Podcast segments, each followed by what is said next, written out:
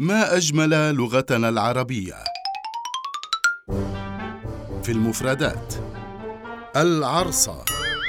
العرصة ساحة الدار والعرصة البقعة الواسعة بين الدور لا بناء فيها والعرصة قرص من الطين المحروق أو صفيحة من الحديد تثبت في التنور لينضج عليها الخبز وغيره. والعرص خشبة توضع على البيت عرضا إذا أرادوا تسقيفه فيقال عرست البيت تعريصا.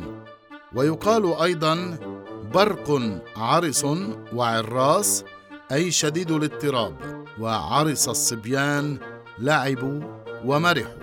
ويقال عرس اللحم أي ألقاه في العرصة ليجف. طيب أين العرصة وأين الشتم والسب في السحاب العراس وفي ساحة الدار وفي الخشبة التي توضع على البيت عرضا؟ وكيف أصبحت هذه المفردة للشتم في بعض المحكيات المحلية كسوريا ولبنان وفي بلدان أخرى؟